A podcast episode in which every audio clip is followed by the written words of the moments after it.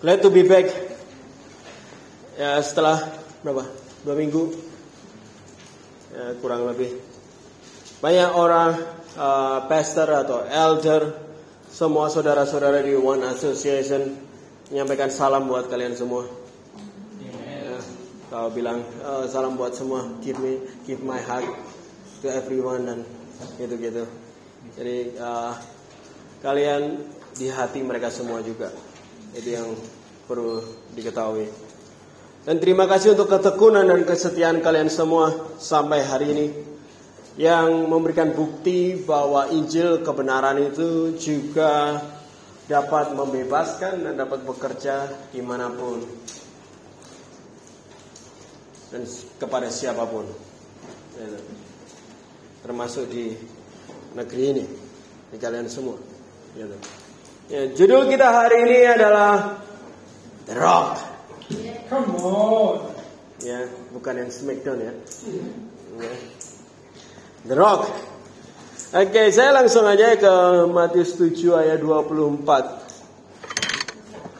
Coba cek kanan kirinya, Mas. udah bangun belum?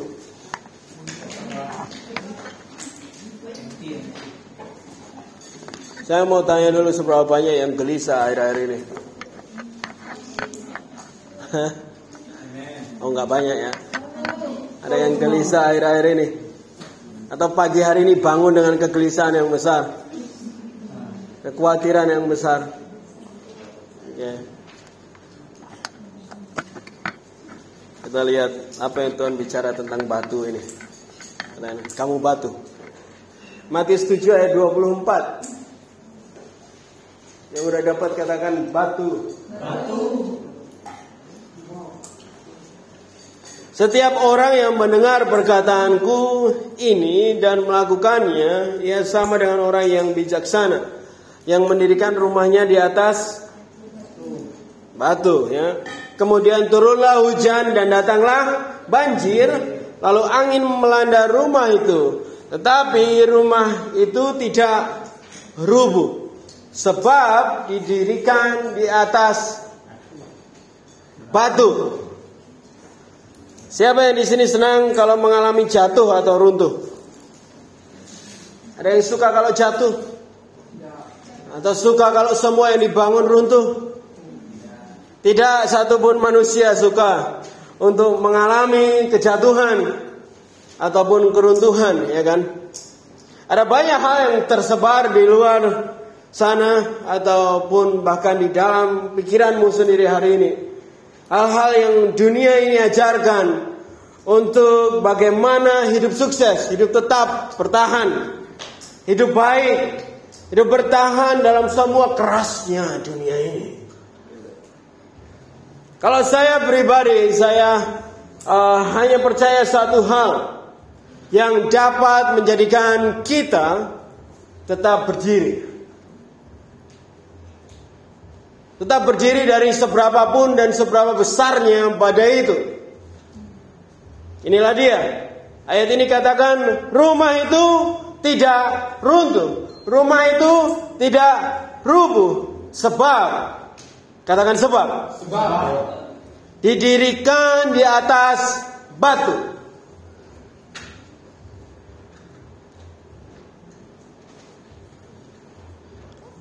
Saya akan jelaskan secara singkat dulu tentang bangunan ini. In case ada beberapa yang belum dengar pengajaran kami tentang hal ini. Supaya sebelum masuk lebih dalam, kita semua sama pemahaman saat melihat cerita ini.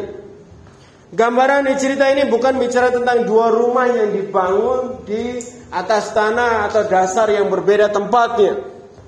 Satu di gunung batu, satunya di pinggir laut yang punya banyak pasirnya. Gambaran itu selalu banyak, bahkan buktikan. Nanti habis ini kalian bisa googling tentang Matius 7 ini. Matius 7 ayat 24, foto gambarnya semua isinya kayak gitu. Semua isinya rumah-rumah di atas karang. Sama rumah-rumah pinggir laut. Gitu. Kami percaya gambaran yang Tuhan Yesus berikan adalah bagaimana rumah itu dibangun di lokasi yang sama. Hanya saja tanah mereka, tanah di mana orang-orang yang Tuhan Yesus sedang ngomong sama, sama mereka ini, dia campuran antara pasir sama batu. Kalau pasirnya digali dalam, akan menemukan batu yang asli dari tanah mereka itu. Jadi ada orang yang malas menggali, langsung aja bangun di atas permukaannya. Permukaan tanah itu tanpa membersihkan atau menggali pasir-pasir itu tadi. Tetap ada juga, tetapi ada juga yang membangun rumahnya dengan cara membersihkan benar-benar sampai nemukan atau menggali benar-benar sampai nemukan batu aslinya habis itu baru membangunnya. Gitu. Ini yang sedang Yesus katakan dalam cerita ini. Goncangan dalam bentuk dalam hidup kita biasanya berbentuk bisa juga bentuk tantangan. Ataupun apa pun itu kalian sebutnya, akan selalu menerpa hidup kita.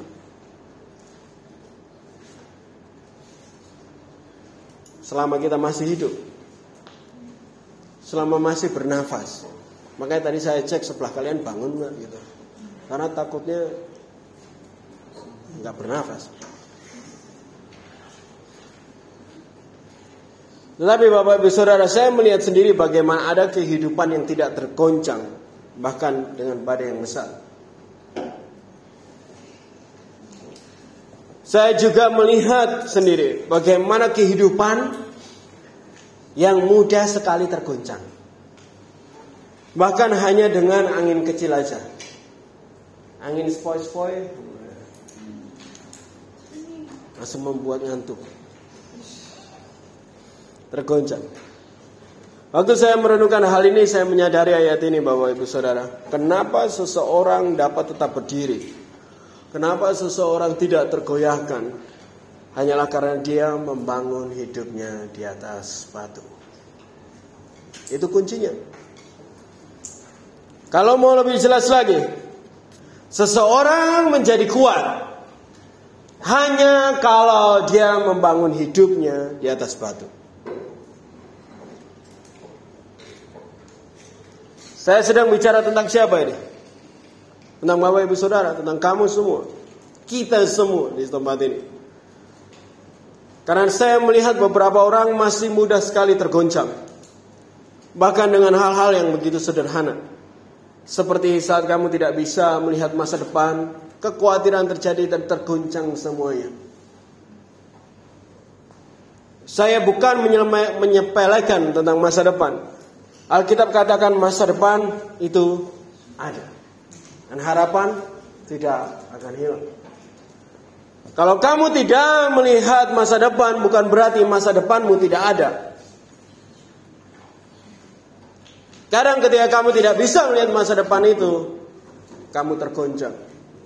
Semudah itu orang jadi khawatir dan tidak percaya. Man sebaliknya saat kamu tidak bisa melihat masa depanmu, itulah kesempatan untuk kamu percaya sepenuhnya sama Tuhan. Waktu kamu nggak bisa melihat di situlah kamu harus bersyukur bahwa saatnya aku percaya. Dia ini katakan barang siapa mendengar dan melakukannya. Karena ini ditulis di perjanjian baru tapi saya pakai kata perjanjian lamanya. Sama. Ya kan? Siapa yang mendengar dan melakukan. Hanya orang yang percaya penuh kepada Tuhan yang dapat mengambil langkah untuk syama, untuk mendengar dan melakukannya. Langkah untuk melakukan apa yang didengar itu tadi hanya orang-orang yang percaya penuh sama Tuhan. Dan orang yang syama ini yang akan tetap kuat ayat ini katakan. Walau badai menghadang, ya kan, aku tetap kuat. Ya. Nanti yang ingat lagu itu terus nanti dia khotbah ini. Mereka yang membangun hidupnya di atas batu akan terus kuat. Amin. Mereka yang membangun di atas batu akan terus kuat.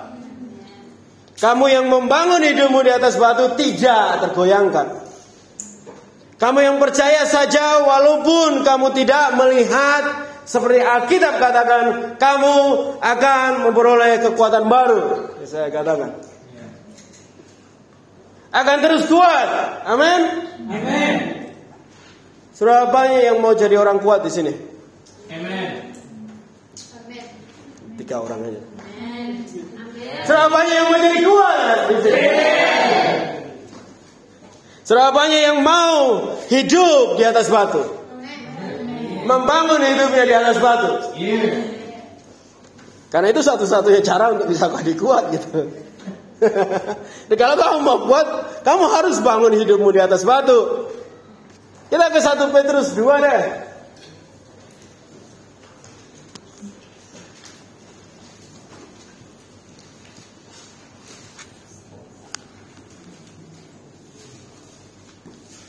Satu Petrus 2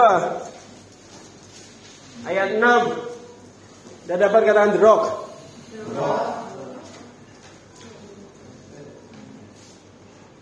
Bukan celana.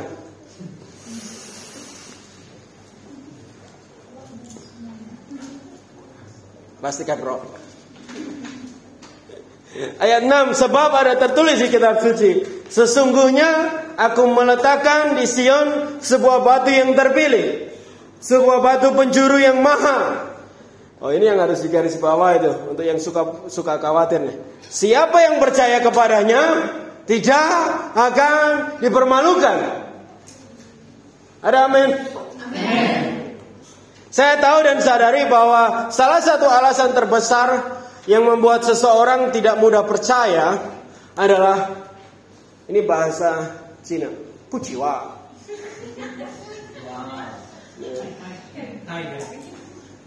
Kekecewaan. Kita takut mempercayai seseorang karena kita takut kuciwa. Kita takut kecewa. Khususnya untuk kamu yang sudah berkali-kali kecewa.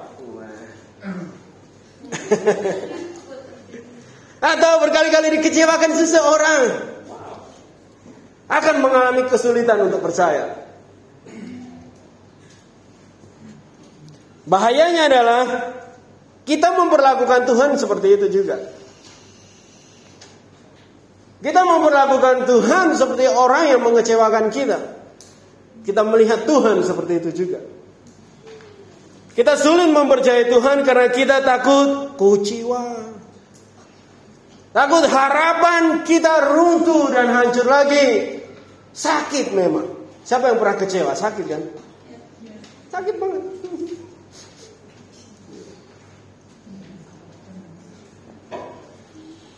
Ayat ini katakan dan ayat ini adalah harapan kita Bapak Ibu Saudara. Dikatakan siapa yang percaya kepadanya. Siapa yang percaya kepada Tuhan, kepercaya kepada batu yang mahal dari yang Tuhan letakkan di Sion ini tidak akan malu. Percaya kepada apa? Percaya kepada batu yang Tuhan taruhkan. Batu yang Tuhan letakkan untuk umatnya berdiri di atasnya. Batu penjuru. Katakan di sini. Tahu batu penjuru itu apa? Ada yang tahu? Batu yang jadi patokan, Batu batu yang jadi acuan, batu utama yang di situ semua bangunan harus ngikutin batu itu. Semua bagian dari bangunan yang mau dibangun harus mengikuti batu penjuru itu. Dan firman ini mengatakan kepada kita siapa pun ya kan? Tidak terkecuali. Barang siapa pun, kamu juga. Kalau kamu percaya, kalau kamu sama, kalau meletakkan bangunan hidupmu di atas batu ini sepenuhnya, kamu tidak akan dipermalukan. Kamu tidak akan mengalami kuciwa. Tidak, tidak lagi kamu akan kecewa. Kamu pernah kecewa? Kamu sakit hati? Lihat, kesakitan hatimu catat baik-baik tidak merubah sama sekali kuasa Tuhan. Apa pun yang kamu rasakan, Tuhan kita tetap sama dahulu, sekarang dan selamanya. Kalau kamu mau kuat, ya kan? Satu-satunya cara adalah berdiri di atas batu ini. Percaya sepenuhnya. Tapi kalau hanya kalau hanya karena perasaanmu yang penuh dengan keraguan itu, karena semua sakit hati yang pernah kamu rasakan itu, di masa lalu bahkan, kamu enggan untuk berdiri di atas batu Tuhan ini. Kamu melewatkan kesempatan untuk hidup kuat. Kesempatan untuk bisa berdiri kuat dalam keadaan apa pun.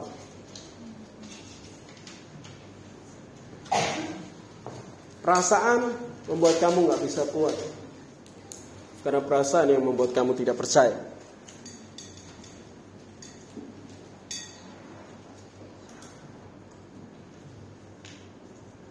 Ingat satu hal hari ini.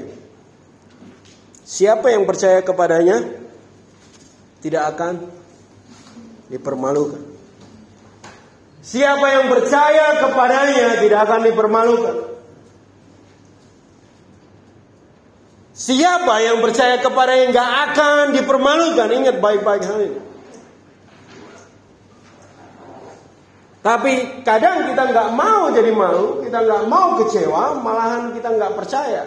Padahal kunci untuk nggak kecewa adalah percaya.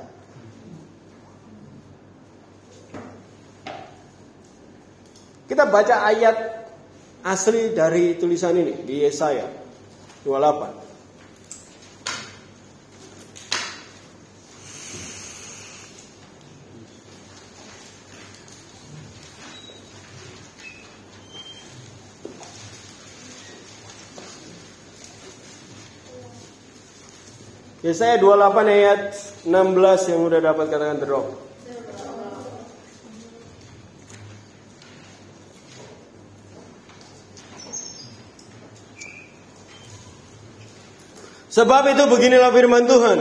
Sesungguhnya aku meletakkan sebagai dasar di Sion sebuah batu, batu yang teruji, sebuah batu penjuru yang mahal, suatu dasar yang teguh. Siapa yang percaya tidak akan gelisah. Hanya supaya Bapak Ibu Saudara sadari bahwa Petrus di dalam satu Petrus tadi sedang mengutip sebuah perjanjian dan perkataan Tuhan yang Tuhan katakan melalui Nabi Yesaya di sini kepada umat Tuhan waktu itu. Saudara yang pernah mengalami kegelisahan atau baru saja atau sedang gelisah hari ini. Kegelisahan kata lainnya adalah tidak damai. Enggak damai. Apa pun yang dikerjakan kayaknya gerusah-gerusuh bahasa Inggrisnya. Semuanya agak nggak bisa di, dinikmati. Walaupun mungkin kamu pergi jalan-jalan tapi nggak bisa menikmati karena nggak ada damai. Ada kegelisahan di hatimu.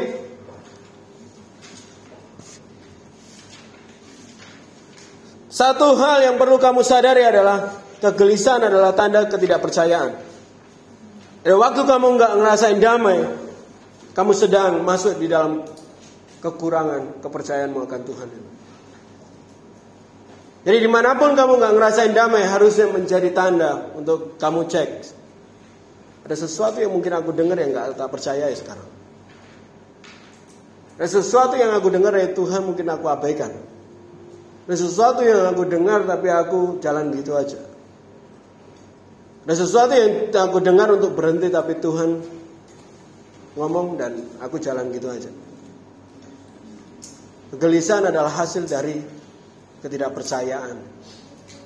Dan ketidakpercayaan kadang bentuknya adalah dengan mengabaikan apa yang kamu dengar. Percaya kepada apa di sini dikatakan? Saya ulangi kembali untuk kita semua ingat batu penjuru. Batu batu penjuru Tuhan yang Dia berikan kepada umatnya. Batu penjuru ini tidak cuma dikatakan bahwa aku punya batu penjuru yang mahal, enggak. Tuhan katakan dia ini aku punya batu penjuru yang kuletakkan, aku meletakkan batu, aku memberikan batu ini. Saya tidak mencoba untuk terlalu kasar kepada Bapak Ibu Saudara hari ini. Hanya saja saya mau kamu semua menjadi manusia yang kuat. Satu-satunya cara untuk jadi kuat adalah berdiri di atas batu yang Tuhan letakkan untuk kita. Kamu mau kuat? Percaya kepada batu ini. Berdiri di atas batu ini. Mungkin sekarang kamu terus bertanya-tanya, batu ini apa Pak Giri? Ya kan? Kalau gitu kita lanjut ke Efesus deh.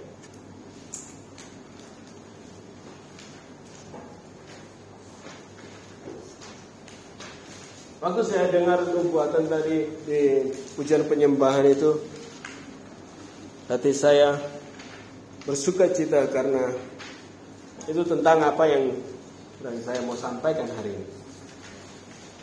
Tuhan izinkan kita untuk mengerti bahwa Tuhan kita setia. Dan izinkan untuk mengingatkan kita bahwa kita harus berhenti gelisah dan khawatir. Gitu. Dan inilah yang Tuhan berikan.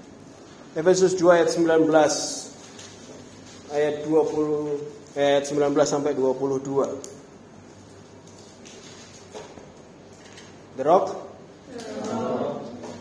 Demikianlah kamu bukan lagi orang asing akan dan pendatang, melainkan kawanan se sewarga dari orang-orang kudus dan anggota-anggota keluarga Tuhan yang dibangun di atas dasar para rasul dan para nabi dengan Kristus Yesus sebagai penjuru. Di dalam dia tumbuh seluruh bangunan ya, rapi tersusun menjadi bait Tuhan yang kudus. Di dalam Tuhan, di dalam dia kamu turut dibangun. Ayat ini kalau kalian baca detail dikatakan di dalam dia kamu turut dibangun. Kalau dibalik hanya di dalam dialah kita akan terus dibangun menjadi kediaman Tuhan di dalam roh. Untuk menjawab pertanyaan tadi di, di ayat 20 dikatakan di sini, Kristus Yesus sebagai batu penjuru. Siapa batu ini? Satu-satunya cara untuk kita kuat adalah untuk berdiri di atas Yesus itu sendiri. Bangunan kudus Tuhan atau jemaat Tuhan yang kudus itu hanya dibangun oleh dua unsur, Bapak Ibu Saudara. Dikatakan di sini dasarnya adalah rasul dan nabi-nabi. Dan Yesus menjadi batu penjuru. Salah satu pertanyaan dari Gia waktu itu yang saya nggak bisa lupa sebenarnya. Dia tanya, saya masih ingat open house di rumah waktu itu. Kenapa Pak Giri memilih pelayanan ini daripada pelayanan yang dulu? Masih ingat gak ya? Lupa paling. Alasan kenapa saya mengingat pertanyaan ini Bapak Ibu Saudara Karena pertanyaan ini yang membawa saya untuk benar-benar perenungan Merenungkan tentang kebenaran dan dasar yang sedang kita bangun Apa sebenarnya yang sedang kita lakukan ini gitu. Ya kan? Indonesia, Bapak Ibu Saudara, sebagai catatan aja, itu salah satu ladang pelayanan dari berbagai organisasi, dari berbagai denominasi dan gereja-gereja, baik dari Amerika, dari Australia khususnya, gitu. Sebagai orang Indonesia yang dari kecil saya udah ada di dalam dunia pelayanan dan gereja, gitu, saya memperoleh kesempatan untuk melihat bahkan terkadang juga terlibat di dalam pelayanan-pelayanan yang datang ke negara ini. Ya. Setiap organisasi itu membawa batu-batu mereka sendiri. Mereka membawa dasar-dasar mereka sendiri. Mereka punya yang mungkin kita sebut doktrin atau apa pun itu. Mereka membawanya. Dan dari semua organisasi itu, misionaris atau apa pun mereka sebutnya orang yang mereka utus itu dari semua batu yang saya pernah lihat dan semua dasar yang saya pernah lihat dan mungkin bahkan beberapa saya pelajari lebih dalam. Saya mau katakan hal ini hari ini. Dasar yang dimiliki One Association adalah satu-satunya dasar yang saya pernah lihat masuk di Indonesia yang menjadikan Kristus Yesus batu penjurunya. Kristus Yesus jadi batu penjuru sesungguhnya. Seperti ayat ini katakan, para nabi dan para rasul yang Kristus adalah batu penjurunya. Pengajaran yang turun ke para nabi dan para rasul yang Kristus adalah batu penjurunya. Karena semua batu dasar dari One Association berpusat dan bersumber dari kebenaran yang Kristus Yesus itu sendiri miliki.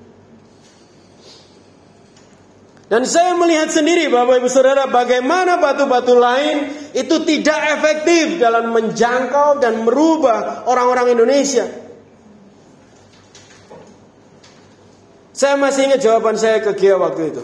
Saya jawab satu-satunya alasan kenapa saya di sini sekarang karena saya yakin ini satu-satunya cara yang paling efektif untuk mengubahkan Indonesia. Jadi saking mengasihi Indonesianya, saya mau berkorban untuk lepas dari apa pun yang dulu saya miliki. Saya mau membangun diri saya berdiri di atas batu yang dasar yang ngikutin batu penjuru Yesus Kristus Tuhan. Karena hanya yang seperti itulah terjadi bangunan baik Tuhan. Ayat yang dikatakan. Apa pun yang kamu hidupi ini, Pemuridan dan semuanya ini adalah satu-satunya cara yang dapat mengubahkan Indonesia. Seperti halnya ayat ini katakan bangunan rohani. Baik Tuhan yang kudus. Gereja Tuhan yang benar. Adalah mereka yang dibangun. Apa yang dikatakan? Pada dasar nabi. Pada dasar rasul yang berfokus dari batu penjuru yaitu Yesus Kristus sendiri. Tidak satu pun dasar One Association dilahirkan dari di, eh, di luar kebenaran Tuhan. Parenting, single class, talmidim atau pemuridan, kelas pernikahan, kita nanti akan masuk ke ministry training. Dan semua ah, bahkan direksi atau arahan-arahan arahan dalam keputusan bahkan terlahir dari bagaimana firman Tuhan dan Yesus Tuhan katakan. Dalam perjalanan ke Amerika kemarin saya merasa terberkati dengan adanya kesempatan untuk duduk di dalam pertemuan uh, para pastor kita semua berdiskusi untuk hal-hal yang memang kita perlu diskusikan dan kita putuskan. Saya melihat saksi dan menjadi saksi bahwa tidak satu pun keputusan yang lahir di hari itu di meja kami hanya dari persepsi satu atau pribadi setiap orang sendiri. Kalau mau dicatat mungkin ada ratusan ayat yang di semua keluarnya. Karena di pertemuan itu, karena kita harus lihat bagaimana firman Tuhan ngomong tentang hal itu. Kita nggak mau bahkan melahirkan keputusan hanya dengan opini kita sendiri. Keputusan hanya lahir semuanya dari kebenaran firman Tuhan. Seperti halnya tadi saya katakan, satu-satunya kunci kekuatan kita adalah berdiri pada batu yang benar. Betul? Masih ingat nggak? Atau udah lupa? Kalau lupa kita balik lagi ke Matius 7. Ya kan? Batu yang benar yaitu Yesus Kristus sendiri dan para nabi yang berfokus dasar para nabi dan rasul yang berfokus pada batu penjuru itu juga. Ini menjadi harapan Bapak Ibu Saudara. Bahwa tubuh keluarga satu asosiasi ini menjadi bangunan rohani. Bait suci tempat roh kudus tinggal Tuhan di mana tinggal. Karena dasarnya ngikutin batu penjuru dan kita punya batu penjurunya juga. Dan hanya orang yang berdiri di situ yang gak akan tergoncangkan. Hanya orang yang berdiri di hal itu dengan kuat dan terus berdiri di situ dia tidak akan gelisah. Kamu tidak akan kecewa, kamu tidak akan gelisah, kamu tidak akan malu. Karena kebenaran Tuhan adalah kebenaran yang memerdekakan dan kebenaran yang utuh kebenaran yang solid tidak akan tergoncang.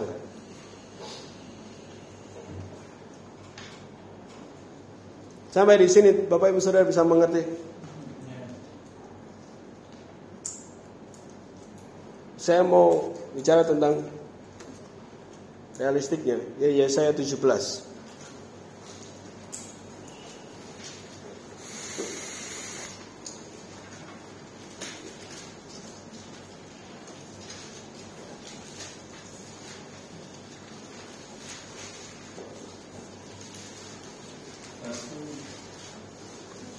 Sebelum saya baca ayat ini, ya saya 17 ayat 9 sampai 10.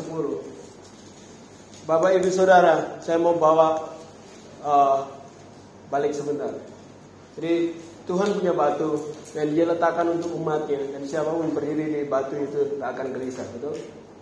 Ya kan? Dan batu itu Tuhan berikan Yesus Kristus dan juga dasar di mana para nabi, para pemimpin gereja harus ngikutin batu itu. Dan kalau siapa pun berdiri di dua hal itu tidak akan gelisah. Tapi ada masalah nih. Kenapa kok jemaat terus ada dalam kegelisahan? Kenapa kok jemaat gampang goyah, gitu kan? Ya. Kenapa? Gitu kan? Ayat ini ngomong. Pada waktu itu kota-kotamu akan ditinggalkan seperti kota-kota orang Hewi dan orang Amori yang mereka tinggalkan karena orang Israel sehingga menjadi sunyi sepi. Sebab orang telah melupakan Tuhan yang menyelamatkan engkau dan tidak mengingat gunung batu kekuatan. Sebab itu sekalipun engkau membuat taman yang bermain dan menamainya dengan cangkokan luar negeri, Di ayat 10 bagian awal, ini yang saya mau masuk duluan. Dikatakan engkau telah melupakan Tuhan yang menyelamatkan engkau dan tidak mengingat gunung yang batu kekuatanmu ini. Saya tahu kita semua tahu cerita Matius 7 itu. Tuhan adalah dasar. Dia adalah batu penjuru. Penyakit yang paling sering yang kita alami adalah lupa.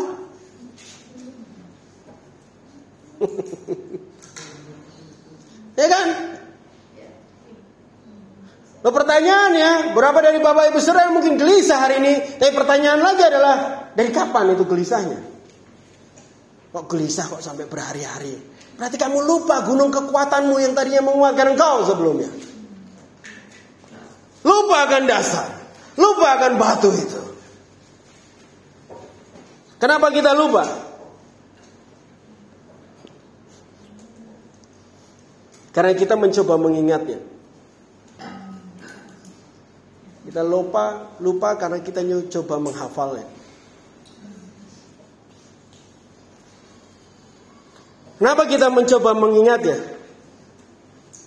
Karena kita menaruh semua kebenaran, batu yang Tuhan berikan di hidup kita hanya sebagai kepercayaan yang kita hafalin.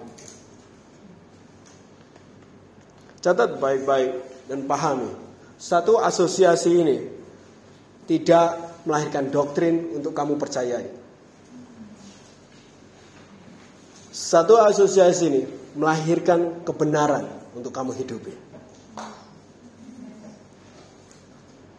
Bisa mengerti di situ? Kita nggak coba melahirkan doktrin terbaik dari semua gereja yang ada. Kita melahirkan kebenaran untuk kita semua hidup.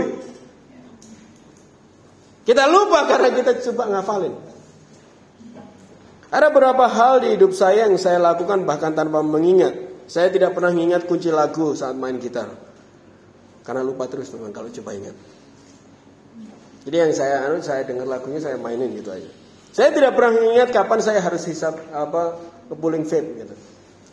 Udah tangannya gerak sendiri. Karena udah jadi bagian dari hidup, ya kan? Dan bagian dari dan banyak hal lagi ada Bapak Ibu Saudara mikir gimana hidupin motor? Kapan ngerem, kapan ngegas, kalian udah enggak? Gitu kan? Kecuali yang baru belajar sih. mikir kapan ngerem, mau harus gas dulu gitu. Tapi udah enggak ada. Gitu. Karena udah menjadi bagian dari hidup. Kelas Talmidim. Siapa yang pernah di kelas ini? Ada yang familiar sama kelas ini? Ada huruf A. Apa itu A? Attach. Ya. ya semua tahu itu ya kan. Artinya, oh, tahu banget. Definisinya ngerti Pak Giri. Saya bisa jelaskan.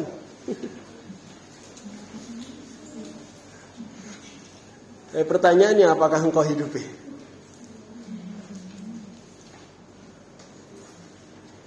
Pertanyaannya apakah kamu hidupi hal ini? Apakah dasar ini kamu hidupi? Dasar yang lahir dari batu penjuru itu apa kita hidupi? Kelas single. Weh. Nanti kita mungkin adain lagi mungkin lima tahun ke depan. Lama banget.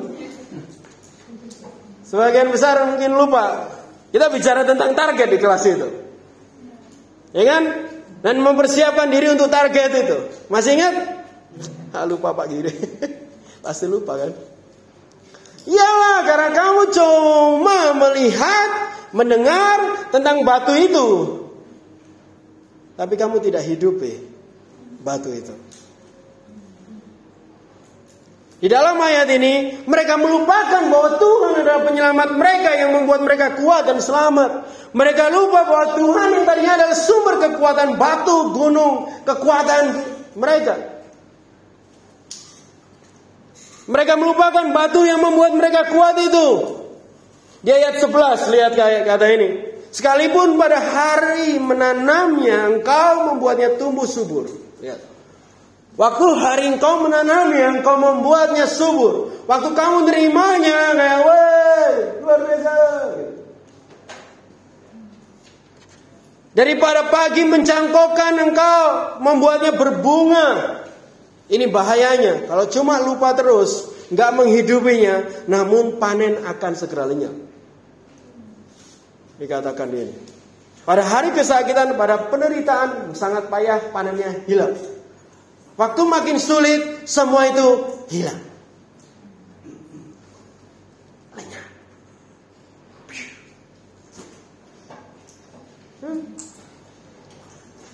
Kalau kamu terus melupakan batu benar yang Tuhan taruh di hidupmu itu, apa pun usahamu, walaupun kamu sudah menanam, sudah berusaha supaya tanaman itu tumbuh subur, tetapi masa panen, tahu berusaha supaya tanaman subur gimana aplikasinya?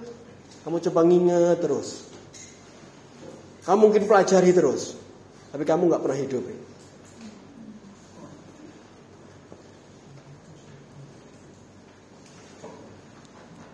Sudah mengusahakan hal itu. Kamu mendengar. Bahkan kamu bilang, amin, setuju. Dan melihat kalau pemikiran itu, wah itu baik cara mikirnya. Wah itu pemikiran yang luar biasa. Tetapi nggak dihidupi.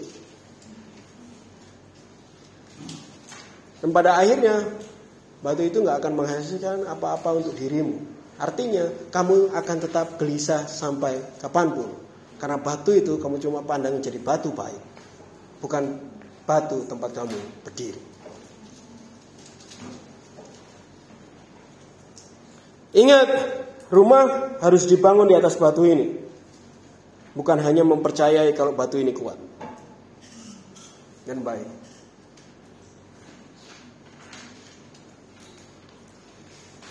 Sama kayak, oh kita mau bangun tembok ini, wah pakai batu yang itu pasti kuat itu. Tapi akhirnya kita bangun pakai batu yang lain.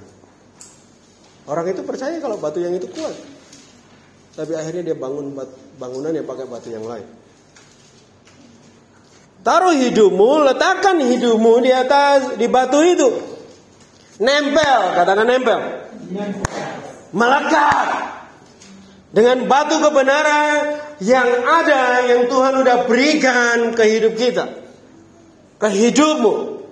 Saya tahu kamu sudah mengalami berkat. Perubahan yang dibawa oleh batu-batu satu asosiasi ini. Batu ini memulihkan pernikahan Pak Gerwin dan Cilina luar biasa. Batu ini melahirkan anak-anak yang luar biasa di dalam Tuhan. Lihat anak-anak di sekolah minggu kita dan youth kita.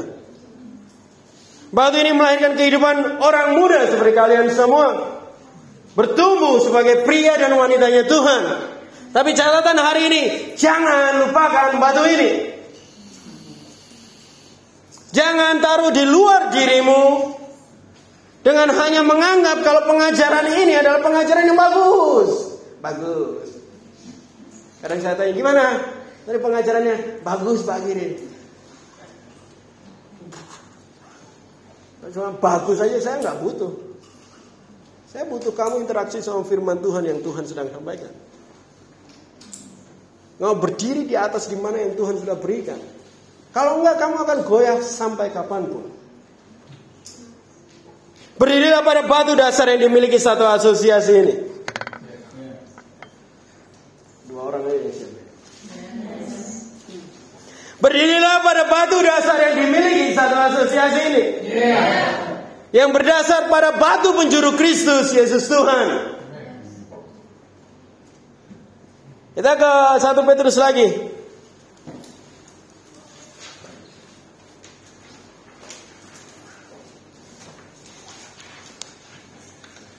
Satu Petrus 2 ayat 7.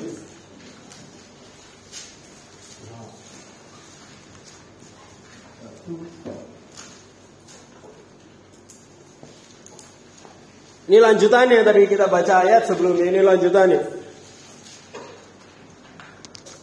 Karena itu bagi kamu yang percaya ia mahal. Tetapi bagi mereka yang tidak percaya, batu itu Batu yang telah dibuang oleh tukang-tukang bangunan telah menjadi batu penjuru, juga telah menjadi batu sentuhan dan telah menjadi batu sandungan. Dikatakan ini bagi kamu yang percaya, ia mahal. Bagi mereka yang tidak percaya, batu itu telah dibuang. Pertanyaan ini, ini pertanyaan saya. Dengar baik-baik pertanyaan saya dan jawab baik-baik. Kamu yang mana? Kamu yang percaya sama batu ini atau kamu yang tidak percaya?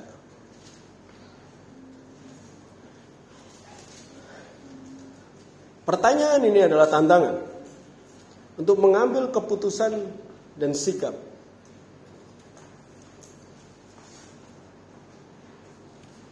Pertanyaan untuk memilih. Di, di, di Yosua atau keluaran ya? Yosua. Yosua katakan, pilihlah pada siapa hari ini kamu menyembah. Yosua juga kata, aku dan seisi rumahku menyembah sama Yahweh. Ini pertanyaan ini yang sedang saya katakan Bapak Ibu Saudara. Mau percaya atau enggak? Selama ini kamu jadi bagian yang mana? Mau percaya sama batu ini atau enggak?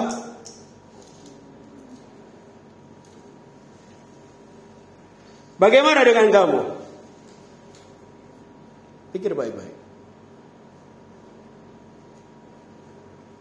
Mau all in atau enggak sama sekali?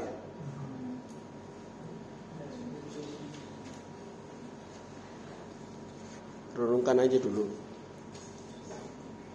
Tuhan terus menunjukkan dan memperlihatkan progres dan tujuan untuk kita. Dan saya semangat banget terhadap apa yang Tuhan mau kerjakan untuk sagi ini. Untuk Bapak dan Bapak Ibu Saudara, untuk kami kita semua kalian. Dulu saya, ber, saya bermula hanya menikmati kebenaran Tuhan bersama Vincent itu. Kemudian Tuhan membawa kami untuk membawa kebenaran itu ke hidup orang lain, para Bapak Ibu Saudara, dan akhirnya Kemudian kita melihat bahwa Tuhan mau kebenaran itu membuahkan lebih banyak orang lagi di luar komunitas kita. Ya kan?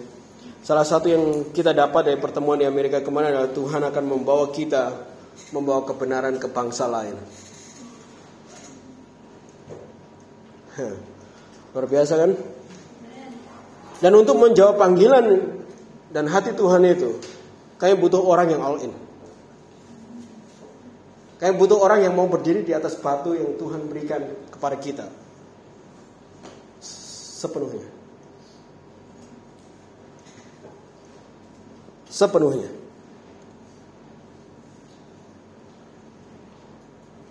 Butuh orang yang percaya penuh Butuh orang yang mau berdiri pada batu Tuhan, berapapun harga yang harus dibayar. Butuh orang yang kuat berdiri pada batu-batu satu asosiasi ini. Saya mau katakan sekali lagi, satu asosiasi ini tidak melahirkan doktrin yang kamu percayai. Untuk kamu percayai, satu asosiasi ini melahirkan kebenaran untuk kamu hidupi. Kadang orang katakan kita punya doktrin yang bagus, puji Tuhan. Kita punya pengajaran yang bagus, haleluya. Tapi saya tidak butuh orang yang ngomong bagus, bagus, bagus. Saya butuh orang yang mau hidup di dalamnya. Alias berdiri di atas batu itu. Apakah kamu mau percaya penuh? Yes. Apakah kamu mau percaya penuh? Yes. Apakah kamu mau berdiri di atasnya? Yes. Siapa yang mau berdiri teguh bersama saya di batu satu asosiasi ini? Ini yang kamu perlu lakukan. Lukas 6 ayat 48.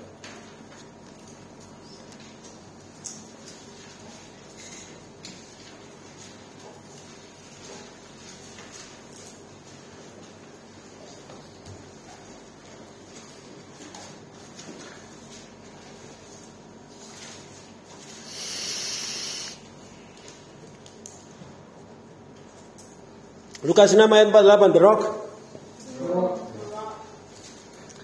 Ia sama dengan seorang yang mendirikan rumah. Orang itu menggali dalam-dalam dan meletakkan dasarnya di atas batu. Ketika datang air bah dan banjir melanda rumah itu, rumah itu tidak dapat digoyahkan karena rumah itu kokoh bangunannya. Kalian mau berdiri di atas batu dan kuat? Mau jadi kuat terus? Kalau kamu mau berdiri bersama kami di atas batu satu asosiasi, ini yang kamu harus lakukan. Ini yang harus kamu lakukan. Gali dalam-dalam.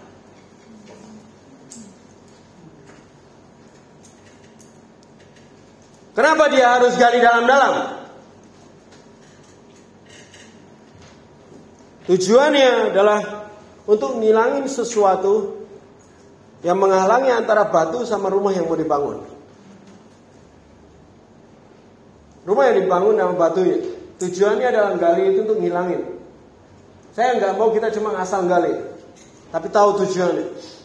Tujuannya untuk ngilangin apa pun yang berdiri di antara rumah itu sama batu itu. Menghilangkan apa pun yang berdiri antara kamu sama batu satu asosiasi ini. Menghilangkan segala sesuatu yang membuat jarak sehingga rumahmu, sehingga hidupmu nggak bisa nempel sama batu ini. Itu yang harus dilakukan. Menghilangkan semua hal yang membuat jarak itu, membuat bangunan hidupmu tidak dapat nempel melekat penuh di atas batu ini. Kita mau kita jujur hari ini. Kita mau jujur hari ini. Kamu tahu betul apa yang menjadi penghalang antara kamu sama batu kebenaran di gereja ini.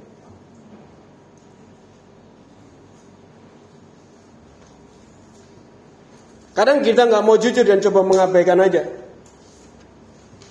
Ada yang tidak bisa touch karena keraguan apakah pemimpin di tempat ini benar.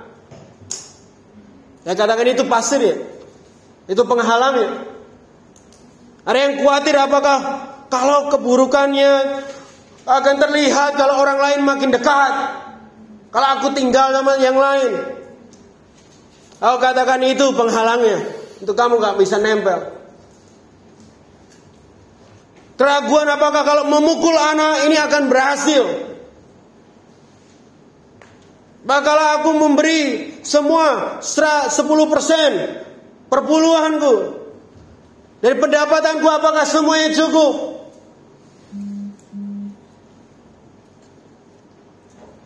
Apakah kalau aku mengorbankan pilihanku pekerjaan kuliah adalah benar? Ataukah apa bahkan sakit hati atau bahkan sakit hatimu terhadap pemimpin dan pelayanan ini juga masih menjadi penghalang yang berdiri di antara engkau dan batu yang ada di gereja ini. Apa pun pasir itu, atau sesuatu yang ada di antara kamu dan batu kebenaran di dalam gereja ini, satu asosiasi ini, kamu sendiri yang tahu. Ya atau ya? ya. Saya tahu kamu kadang mencoba mengabaikannya. Yang pentingnya rajin aja deh ke pengajaran. Yang penting kamu tetap ada. Ikut aja semua aktivitas yang dilakukan. Kerjakan oh semua open house ya harus datang.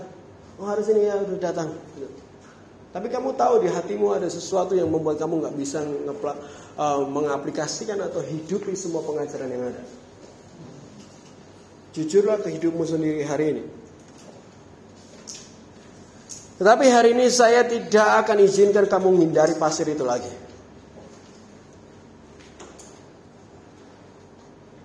Pasir yang membuat kamu tidak melekat pada batu kebenaran harus dihilangkan hari ini.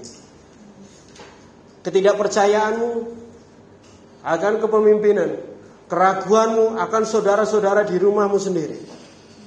Keraguanmu akan pengajaran-pengajaran yang ada. Kalau engkau mau kuat, melekatlah. Kalau mau semuanya sekalian, jangan gitu.